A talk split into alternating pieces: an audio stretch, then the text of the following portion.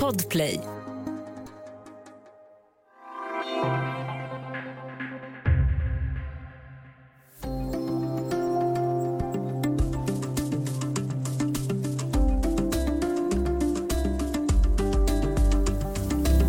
Julen verkar vara en dramatisk tid för Boris Johnson. Han har vunnit både val och pressat fram brexitavtal under högtiden de senaste åren.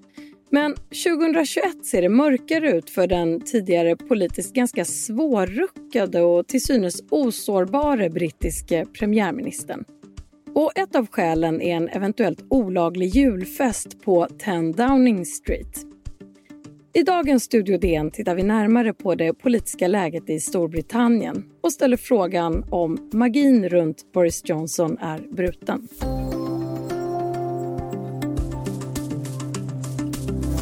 Och med mig idag har jag Katrin Marsall som bevakar Storbritannien för Dagens Nyheter. Hej Katrin! Hej!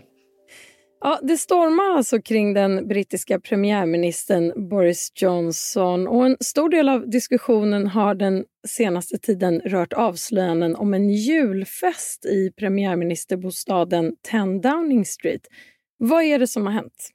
Ja, det här var ett avslöjande eh, som den brittiska tabloiden The Daily Mirror gjorde om att det då förra året ehm, när det var nedstängning här i Storbritannien och julfester och annat umgänge var förbjudet för för alla i England. Eh, då hölls en eventuellt olaglig julfest på nummer 10 Downing Street som då är premiärministerns bostad men även och framför allt arbetsplats för de som arbetar med premiärministern.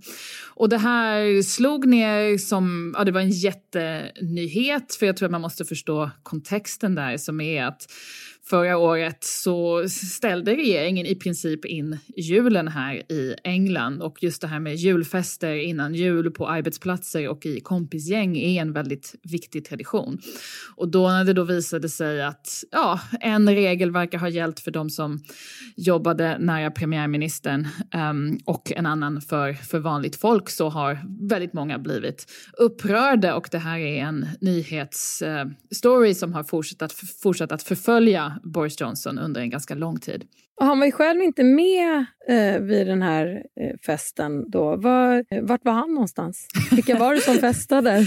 ja, nej, alltså, um, ja, det här är en ganska, ett ganska speciellt hus. Jag har faktiskt bara varit inne på Downing Street 10 en gång. Men det, är, det ser ju ut som det gör på, på bilderna. Man går in genom den här äh, svarta dörren. Och sen är det ju liksom ett stort kontor på många sätt. Alltså, då när jag var där så till vänster var det ett jättestort rum. Där satt alla pressekreterarna och till höger satt de som, som eh, jobbade med, med policy. Och så rakt fram sitter liksom premiärministern. Och sen så är det liksom massa våningar som alltid i, i engelska hus och högst upp finns en, en lägenhet som premiärministern då ofta bor i även om just den lägenheten är ganska liten vilket gör att många premiärministrar på sistone har föredragit att bo i, i grannhuset.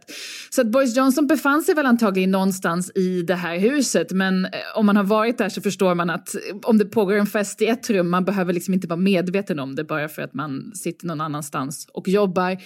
Och man ska också tillägga att det finns en eh, kultur runt alkohol i brittisk politik som inte riktigt finns i Sverige längre på det sättet att det är för de som jobbar på nummer 10 Downing Street ganska normalt att framförallt på fredagar om man jobbar efter klockan sex, vilket man generellt gör, så börjar man dricka parallellt med att man jobbar. Så att liksom de här gränserna mellan fest, jobb, vem som är i huset, vem som är på festen, är lite luddiga just när det gäller eh, Efter klockan 18? Ja, ja det var, var en person eh, med insyn i dessa frågor sa till mig i alla fall.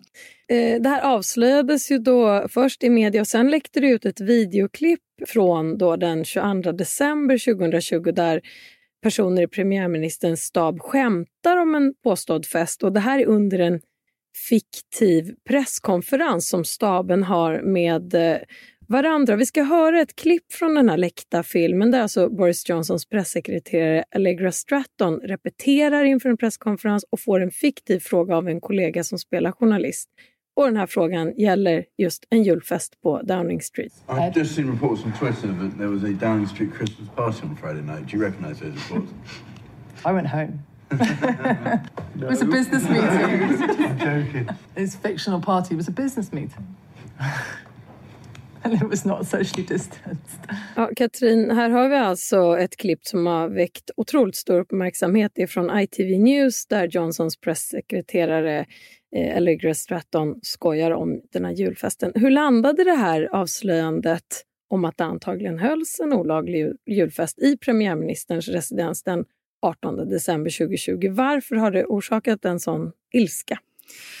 Ja, alltså dels för att det här var under en period i, i Storbritannien där, där liksom folk fick inte träffa sina nära och kära. Det var efter ett år där liksom folk hade dött ensamma utan att ha fått träffa sina nära och kära och där regeringen liksom hade begärt, det är ju, man begär ju väldigt mycket av folk om man säger ställ in julen, sitt hemma. Um, och sen så då läcker det här klippet där regeringstjänstemän, politiska tjänstemän skämtar på det här sättet om en julfest. Och sen framför allt så landade det här klippet som att Boris Johnson hade ju förnekat att den här äh, festen hade ägt rum och om den hade ägt rum så var den ingen fest. Um, och det här klippet tycks ju visa att det nog hade förekommit en fest. Så att det blev ytterligare någon sorts liksom, bevis, tyckte många, på att Boris Johnson igen slirar på sanningen, någonting som han brukar få mycket kritik för.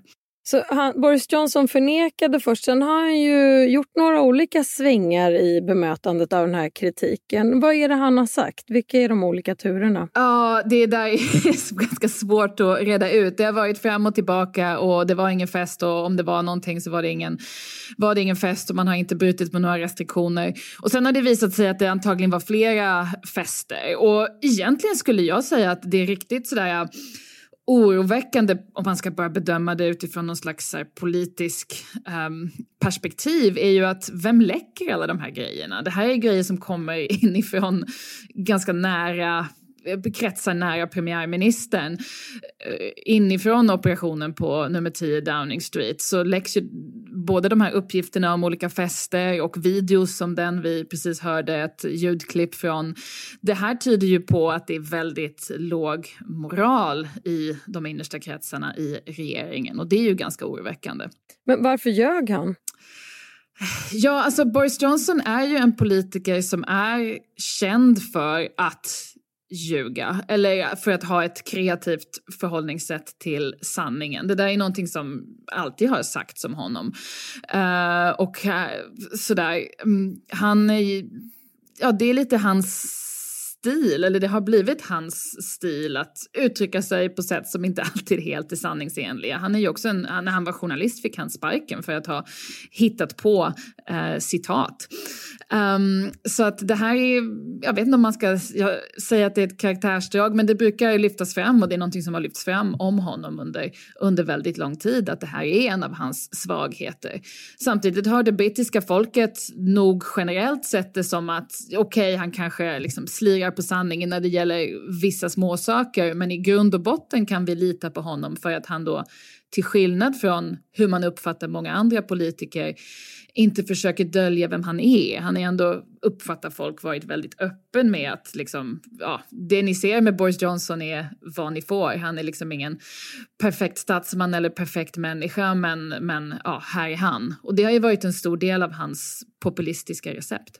Alltså han är ju känd då för både slirandet på sanningen och det här iviga i både utseende och privatliv och också i sin politik där han har gjort många olika vändningar. Eh, samtidigt som han skön, kör den här lite sköna avslappnade eh, stilen så har han ju en eh, grundmurad överklassbakgrund. Vem är han? Vad, vad kan vi liksom säga om profilen Boris Johnson idag? Ja, alltså nu för det första, det här med klass i England det är komplicerat. Um, grund, jag tror inte engelsmän skulle kalla honom för någon med grundmurad överklassbakgrund för att han är inte släkt med kungahuset vad vi vet i alla fall. Um, tidigare premiärminister David Cameron skulle man nog mer säga var överklass på det sättet eftersom han är släkt med kungahuset och har liksom aristokratisk bakgrund på det sättet. Jag tar det tillbaks det lite grann. Ja, nej, men det är oförlåtligt. Jag tänkte mer på skolbakgrund och sådär. Ja, precis. precis. Nej, men det, är, det är mångfacetterat det där. Och jag kan inte säga att jag har bott här i tio år, jag förstår fortfarande inte ens hälften av det där. Men um, han har gått på fina skolor, men han var på Eton på ett stipendium. Så det är en viss skillnad där. Nu har vi klargjort det. Vad, vad, vad mer du? Ja, vem, vem är han vem utifrån är han? det vi oh. vet om honom eh, idag och hur han har fört eh, mm. sin politik?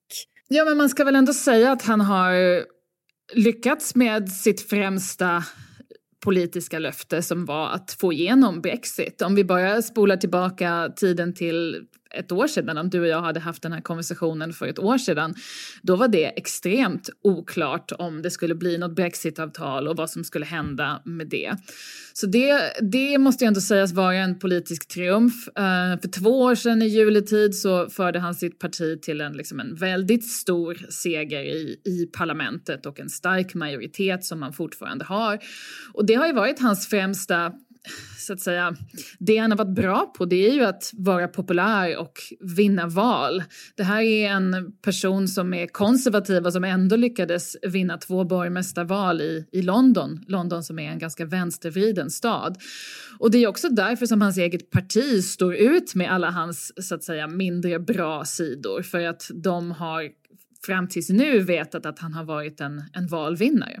Och han har ju länge haft rykte om sig att vara politiskt eh, osårbar. Hur har det märkts? Nej men han är en sån här teflon, eller har varit en sån där teflonpolitiker. Jag menar för det första, det här är en man som har liksom ett, ett oklart antal barn med ett oklart antal kvinnor som har en bakgrund där, ja men som jag nämnde, han har fått sparken från jobb som journalist eh, efter att ha hittat på citat. Han har eh, ljugit i parlamentet, han han har gjort saker som, som inte hade accepterats hos någon annan och lyckats på, på något sätt få det här bara att framstå som autentiskt och charmigt och ja, ja, Boris, vi vet ju hur han är. Man kan ändå lita på honom just för att han inte låtsas vara något som han inte är. Så har ju folk tänkt. Och han har gjort U-sväng efter U-sväng. Han var eh, mot Brexit, sen var han för Brexit. Han var liberal och invandrarvänlig under en period av sin politiska karriär. Sen blev han någon sorts ny nationalisthöger.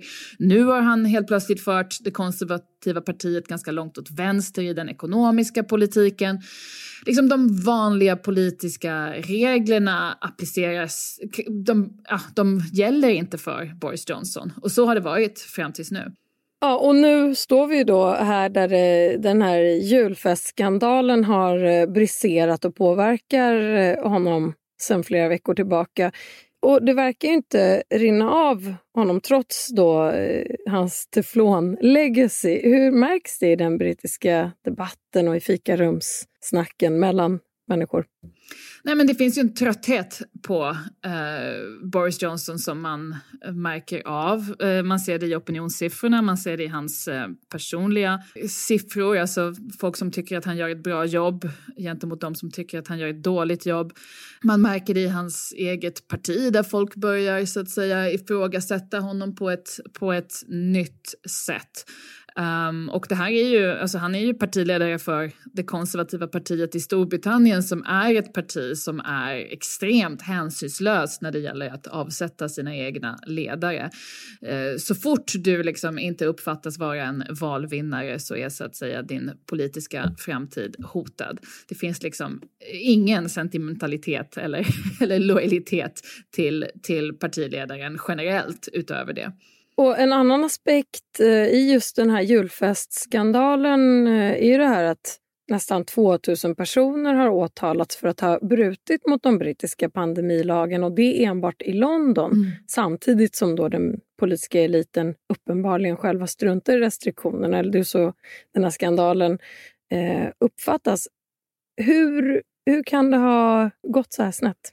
Det här är inte den första skandalen av den typen. Det var ju också en väldigt framstående eh, epidemiolog eh, som togs, eh, på, nej, inte på bar gärning, men som besökte sin älskarinna under den första lockdown och fick liksom avgå från, från uppdrag och en liknande historia med eh, tidigare hälsoministern Matt Hancock.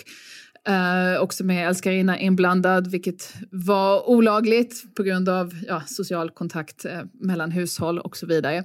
Så det har varit en del av den här typen av, av historier i brittisk press. Och det är klart att liksom, desto mer statsmakten eller regeringen begär av folket och under en pandemi har man begärt väldigt mycket. Man har liksom begärt av folket att de ska, jag menar, i extremfallet, dö ensamma.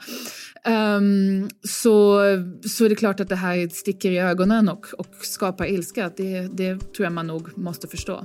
Vi ska ta en kort paus och sen gå vidare med att prata om hur kritiken mot Boris Johnson påverkar brittisk politik.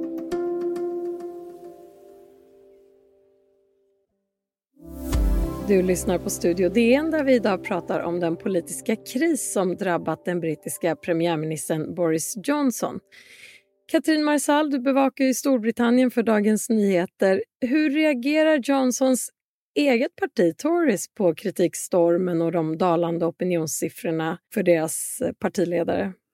De reagerar som de alltid gör i den här typen av situationer. Eh, det är ett brutalt parti. De börjar diskutera hans politiska framtid och nu sägs det väl att om det här inte blir radikalt bättre de närmsta månaderna och då menar de både hans popularitetssiffror men också att han får liksom kontroll på nummer 10 Downing Street och att det slutar läcka, att det slutar vara sånt här kaos och att det börjar finnas liksom en, en politisk riktning. Då är det någon som med stor sannolikhet kommer att utmana honom om, om partiledarskapet till sommaren. Och hur ser startfältet ut? Finns det någon eh, given arvtagare där? Jo, nej, men finansminister Rishi Sunak är ju, har ju positionerat sig eh, och även utrikesminister eh, Elizabeth Truss är de som man pratar om. Och vi har ju nämnt här flera gånger dalande opinionssiffror, men hur, hur ser opinionsläget faktiskt ut för Tories och Boris Johnson? Ja, nej, men Labour har ju sin största ledning på, eh, alltså oppositionspartiet, det stora oppositionspartiet, på på mycket länge. Uh, sen är det klart, liksom, hade det varit val idag, vad hade hänt? Det är fortfarande svårt att se det här översättas till liksom, en parlamentarisk majoritet för Labour. De är fortfarande för svaga i Skottland, vilket har med helt andra saker att göra. Så att um, då skulle det bli någon form av koalition. Um, eller så skulle liksom de konservativa vinna, men med en mindre majoritet. Nu har de ju en väldigt de sitter ju väldigt säkert i, i den bemärkelsen att det är en ganska stor majoritet som Boris Johnson lyckades leverera till dem för, för två år sedan. Och här i det här landet får man ju välja, i alla fall delvis när man vill ha val. Så att um, de borde ju vänta till ett bättre läge. Och du har också varit inne på den interna kritiken mot Johnson, läckorna, eh, illojaliteten och så vidare. En del konservativa menar ju till exempel att han har gjort en vänstersväng med skattehöjningar. Vilka är konfliktytorna inom Tories om vi skulle ta och sammanfatta dem? ja, för det första är det här ett väldigt konfliktfyllt parti. Uh, brittisk politik är väldigt sådär, uh, drivet av många starka individer. Um, det är inte liksom samma partilojaliteter och det är ett annat valsystem och så vidare. Så det är alltid mycket bråk i det brittiska konservativa partiet. Brexitfrågan var ju den stora, men den har ju Boris Johnson lyckats lösa ut. Men nu finns det ju en, dels en kritik mot mot honom som, som person och hur han liksom sköter det här uppdraget. Men sen också då mer av en ideologisk och politisk kritik där man då tycker att han har gått för långt åt vänster. Och många som tycker att är han ens konservativ? Uh, Boris Johnsons politiska strategi, och den har ju hittills varit framgångsrik, har ju varit att gå åt vänster i ekonomiska frågor och samtidigt då vara för Brexit. Och det ledde ju till att man lyckades bryta igenom det som kallas för Labours röda vägg i norra England och uh, att eh, liksom ett ganska stort antal valkretsar i vad som är extremt traditionellt socialdemokratiska eh, områden gick till de konservativa. Och det har ju varit Boris Johnsons stora politiska triumf. Men eh, ja, då är det klart det finns de på den andra falangen som tycker att liksom, men hur mycket kan man liksom höja skatten och låta som någon sorts nationalistisk socialdemokrat eh, och fortfarande vara konservativ premiärminister. Eh, så de gillar ju inte det. Och i onsdags var det så kallad Prime Ministers Questions i parlamentet. Vi ska höra några exempel på meningsutbyte mellan Boris Johnson och oppositionsledaren Keir Starmer. Mr Speaker, the Prime Minister is so weak that without Labour votes last night, vital public health measures wouldn't have got through. So will the Prime Minister take time this Christmas to look in the mirror and ask himself whether he has the trust and authority to lead this country? I respect and understand the anxieties, the legitimate anxieties that colleagues have about uh, restrictions on their liberty, but I believe that the approach that we're taking is balanced and proportionate and right for this country. They play party politics, Mr Speaker, and we get on with the job. Ja, här eh, handlade det bland annat om eh, coronarestriktioner och vi hörde också det karaktäristiska bifallsropet och buandet som ju brittiska parlamentet eh, är känt för. Vad säger du om tonläget här, Katrin? Ganska, ganska normalt, vanlig vecka.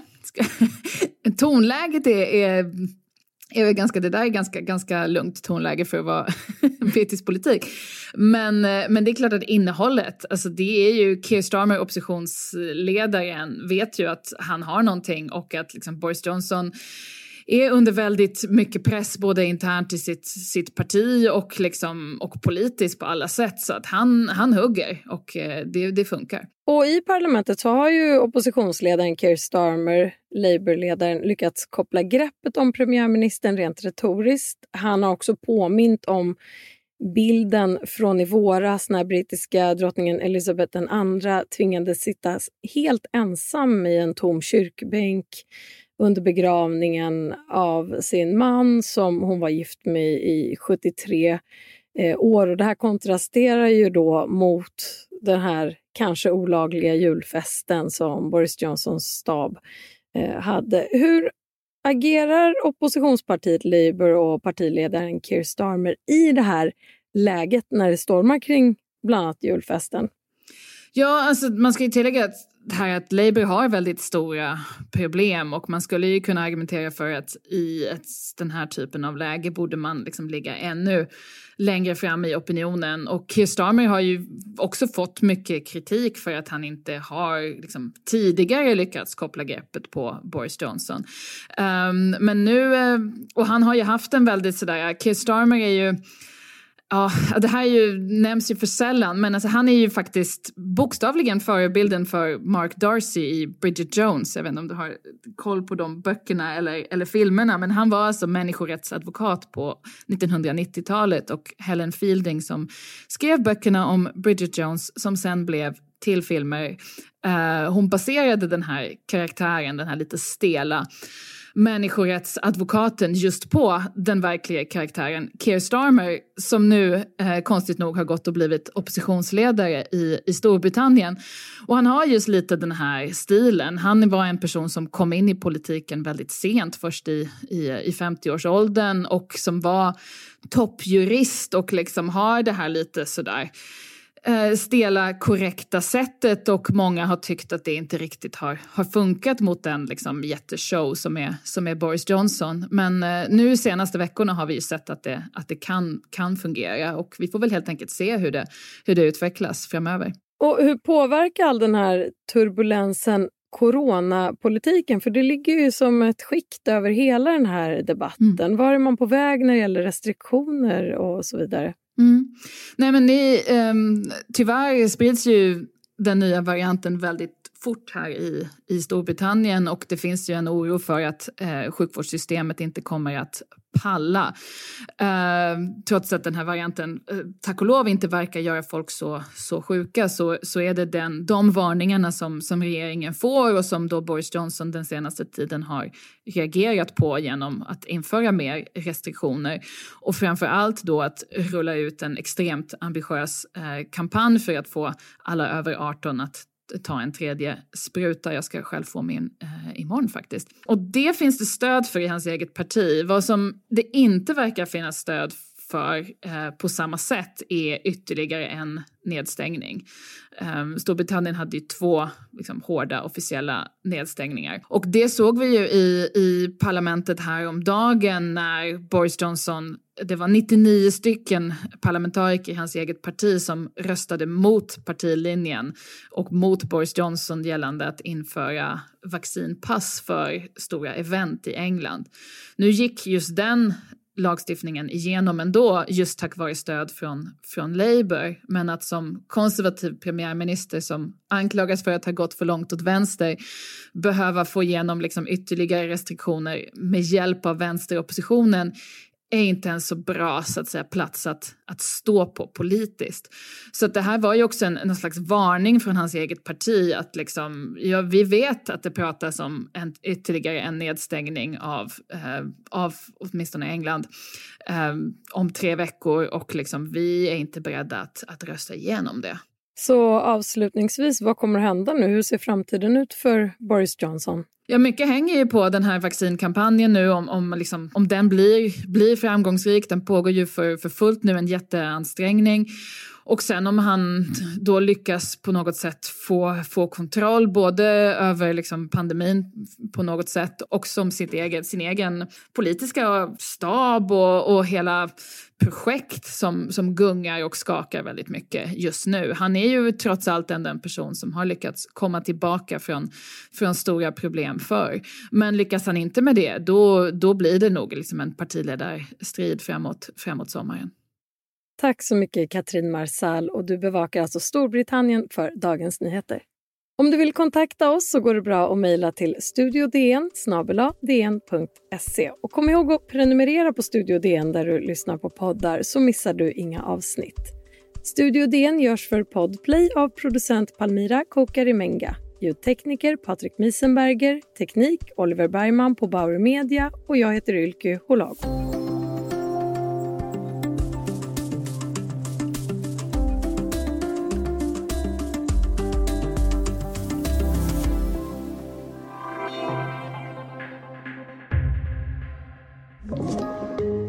Podplay